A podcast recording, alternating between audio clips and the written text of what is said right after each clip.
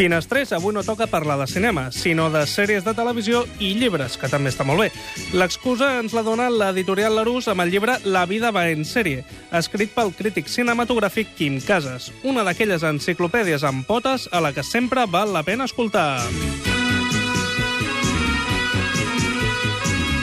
El problema és que el ritme actual de sèries és inabastable i, per tant, el llibre no podia ser un reflex del moment actual perquè aquest ja ha passat sinó més aviat una mirada personal del Quim amb les sèries que l'han marcat en algun moment o que objectivament creu que són especialment rellevants per la història televisiva.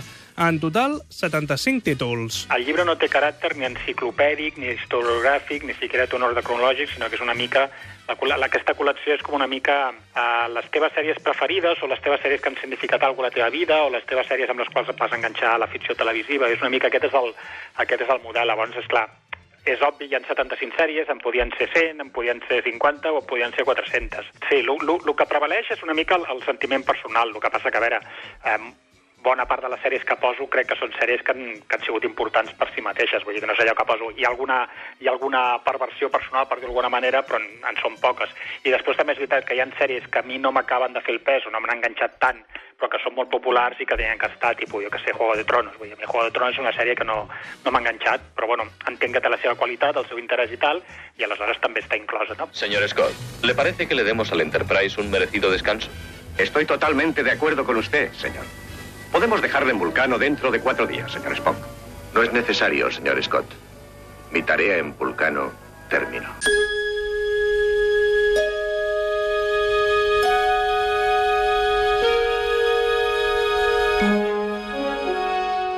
La sèrie que, per motiu que sigui, encapçala el llibre és Star Trek. Aquests dies, al Facebook del programa s'ha parlat de la possibilitat de que arribi una nova sèrie al 2017 i si es pot fer un crossover amb les pel·lícules que ja estan en marxa. Bueno, jo d'entrada estic molt content que la, la pel·lícula, les dues últimes pel·lícules de Star Trek les hagi fet el JJ Abrams, aquest creador de ficcions televisives tan importants dels últims anys, sigui el que fa les pel·lícules que adapten una de les sèries mítiques de la, dels anys 60, em sembla que és molt coherent i que està molt bé. Jo tampoc sóc un triqui, triqui, triqui allò fundamentalista. Star Trek la disfrutava molt, molt, molt de petit, però mai m'he considerat un triqui, és a dir, que he vist les pel·lícules, he vist les sèries, la Star Trek Nova Generació i tal, però vull dir que em sembla que igual s'ha fet un grau una mica massa, no? Aleshores, no ho sé, una nova sèrie, un crossover... Home, un crossover seria interessant, seria curiós. No sé, dona, dona tant joc Star Trek i altres sèries, eh, però sobretot Star Trek, que m'imagino que qualsevol aproximació, barreja i tal, pot funcionar. A més, és un producte que genera tanta, tanta addicció que té, té bastant assegurat l'èxit. No? Star Trek és una de les principals representants de l'anomenada primera edat d'or de la televisió. No vull ser pesat amb el tema perquè ja sabeu de la meva estima per les sèries dels 60. Afortunadament, el Quim estava d'acord amb mi i, de fet, encara va més enllà. Avui es parla de que la ficció televisiva és superior a la ficció cinematogràfica, almenys en el programa nord-americà, i no ho dubto. Pues que et poses a mirar les sèries aquestes i mires una sèrie com Los Vengadores i penses que no havia cap cosa més original en el cinema que es podia fer a Anglaterra a la segona meitat dels anys 60 que Los Vengadores, no? Vull dir que realment va ser molt, molt, molt rica, molt suggerent, molt innovadora, es van fer coses molt, no experimentals, però sí completament marcianes. Per mi és realment la, la primera edat de la televisió és, és fantàstica, no? i bueno, sobretot allà està la meva sèrie preferida d'aquella època, que és Missió Impossible, o sigui que... Su misión, Jim, si usted decide aceptarla,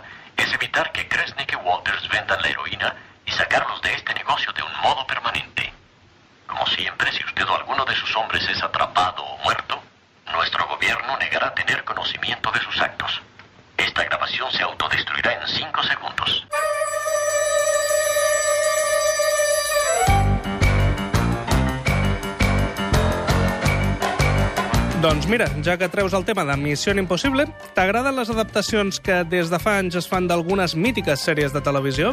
D'entrada estem parlant de dos, de dos formes narratives completament diferents. Perquè, és clar, una pel·lícula l'únic que pot fer és inspirar-se més o menys en el model i després inventar-se una altra història, tal, perquè, esclar, una pel·lícula no, no podrà condensar mai una sèrie de televisió. Llavors, per mi hi ha, hi ha casos que no funcionen, tipus, jo què sé, el Fugitivo que va protagonitzar Harrison Ford no em va fer el pes, Los Vengadores tampoc va funcionar. En canvi, sí que reconec que la sèrie de Missió Impossible, que el Tom Cruise l'ha fet molt seva i que realment es desvincula des de, des de ja, des del principi de la, des de la primera pel·lícula de Brian De Palma, ja es desvincula de l'original televisiu, sí que és una sèrie que a mi m'ha funcionat bastant bé. A mi les, almenys les tres primeres, i una d'elles està dirigida també pel JJ Abrams, quina casualitat, mm. um, em, funcionen, em funcionen molt bé. Curiosament, els darrers anys hem tingut l'exemple contrari. Pel·lícules que es converteixen en sèries de televisió. Abierto hasta el amanecer, Minority Report, Fargo o 12 monos. Bueno, hi ha una mica de tot, una mica el mateix. És a dir, tinc curiositat per veure l'Almas de Metal, bàsicament perquè la pel·li en el seu moment, que era un western de ciència-ficció, amb Jules Briner fent de pistoler, que, era un robot, em va agradar molt el concepte i tal, era molt Michael Crichton, i a veure què ha fet ara Abrams, bàsicament, bueno, la sèrie l'ha creat el Jonathan Nolan, el germà de Christopher Nolan, i tinc bastanta curiositat. Després n'hi ha algunes que em funcionen millor que altres. Per exemple, n'hi ha una que m'agrada molt, que està inspirada a la pel·lícula i, i amb la novel·la amb la que es basava la pel·lícula, que no és americana, no és, no és anglosaxona, que és uh, Gomorra que està basada una mica en la novel·la del, i amb la pel·lícula de Matteo Garrone. Jo, jo crec que hi ha, que hi ha sèries actuals basades en pel·lícules que, que, que déu-n'hi-do, el bé que han funcionat. No?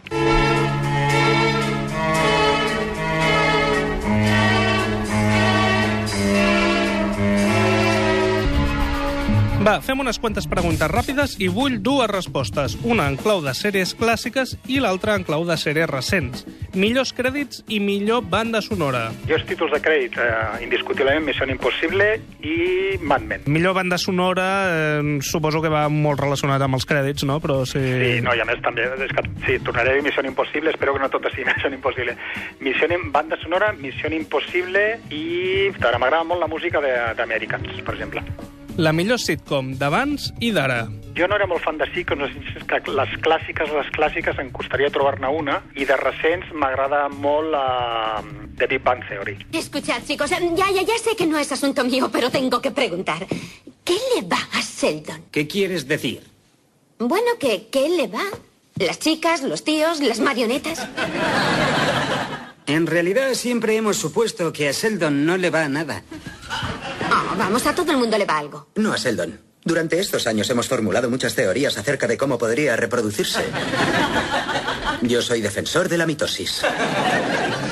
¿Cómo dices? Mi opinión es que algún día Sheldon comerá una cantidad inusitada de comida tailandesa y que se dividirá en dos Sheldons.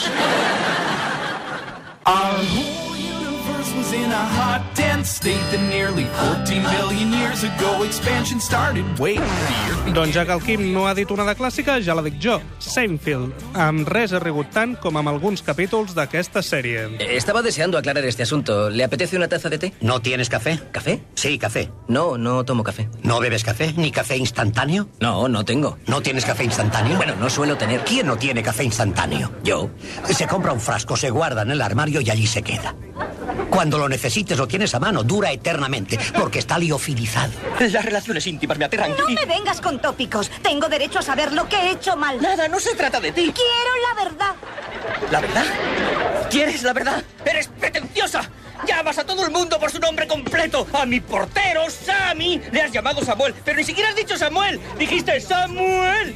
Millors personatges de la televisió? John, eh, John Steele i Emma Peel de Los Vengadores, i de l'època actual, pff, és que per mi, igual, em sap greu repetir-me en sèries i tal, però és que m'encanta el personatge de, que interpreta John Hamm a, a Mad Men. I d'interpretacions, amb quina et quedes? M'agrada molt el Cayman Island a Twin Peaks, i en l'actualitat ha moltes. També m'agrada molt el John Hamm a, a, a Mad Men, m'agrada molt el James Gandolfini a Los Sopranos, i aquí sí que en l'actualitat dir-te una, m'agrada molt el, l'actor que ara no recordo el nom, el que fa Boss, el que havia sigut eh, Fraser, també. Hòstia, és que n'hi ha moltes bones interpretacions, tant masculines com femenines, a la televisió contemporània. Gordon. Son las 10 y 10 de la mañana y es 16 de febrero. Estaba preocupado por hoy debido al sueño del que te hablé.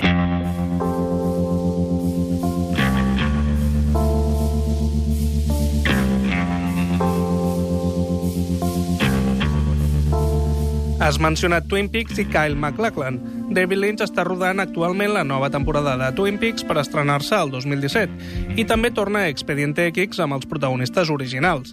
Et fan gràcia aquests retorns o hi ha molt a perdre i poc a guanyar? Pues mira, és, és la, és, és la hòstia, jo som molt, molt, molt, molt, molt lynchiano, molt, eh, Twin Peaks per mi és la sèrie que canvia. Tot i que no va tenir una prolongació en seguida en el temps, hi ha sèries que estan més o menys posteriors a Twin Peaks que estan molt influenciades, tipus Doctor en Alaska, però és veritat que no, que no hi ha una continuïtat en el temps en, immediatament de les ensenyances, per dir d'alguna manera, de Twin Peaks, però jo crec que sense Twin Peaks no existiria una part de la trilogia actual.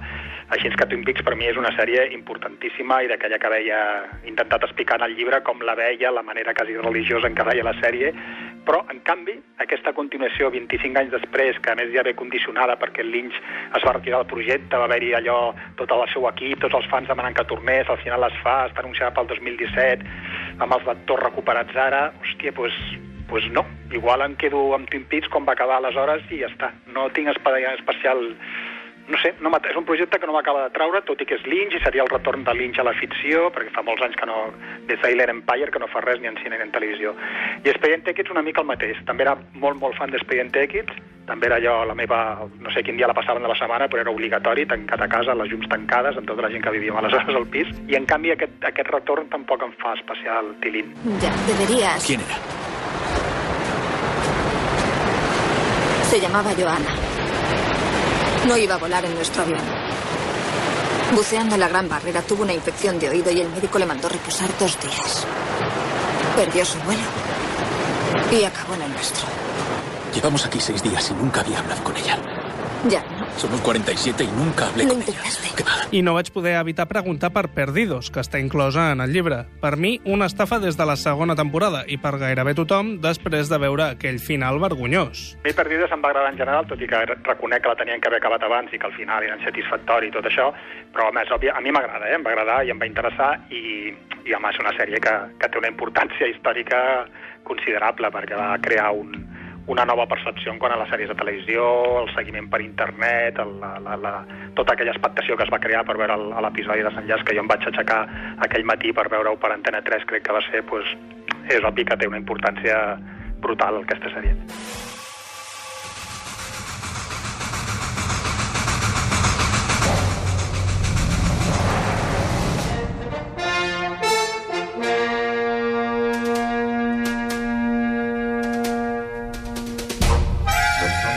Quines són les joies més recents que has descobert a la petita pantalla?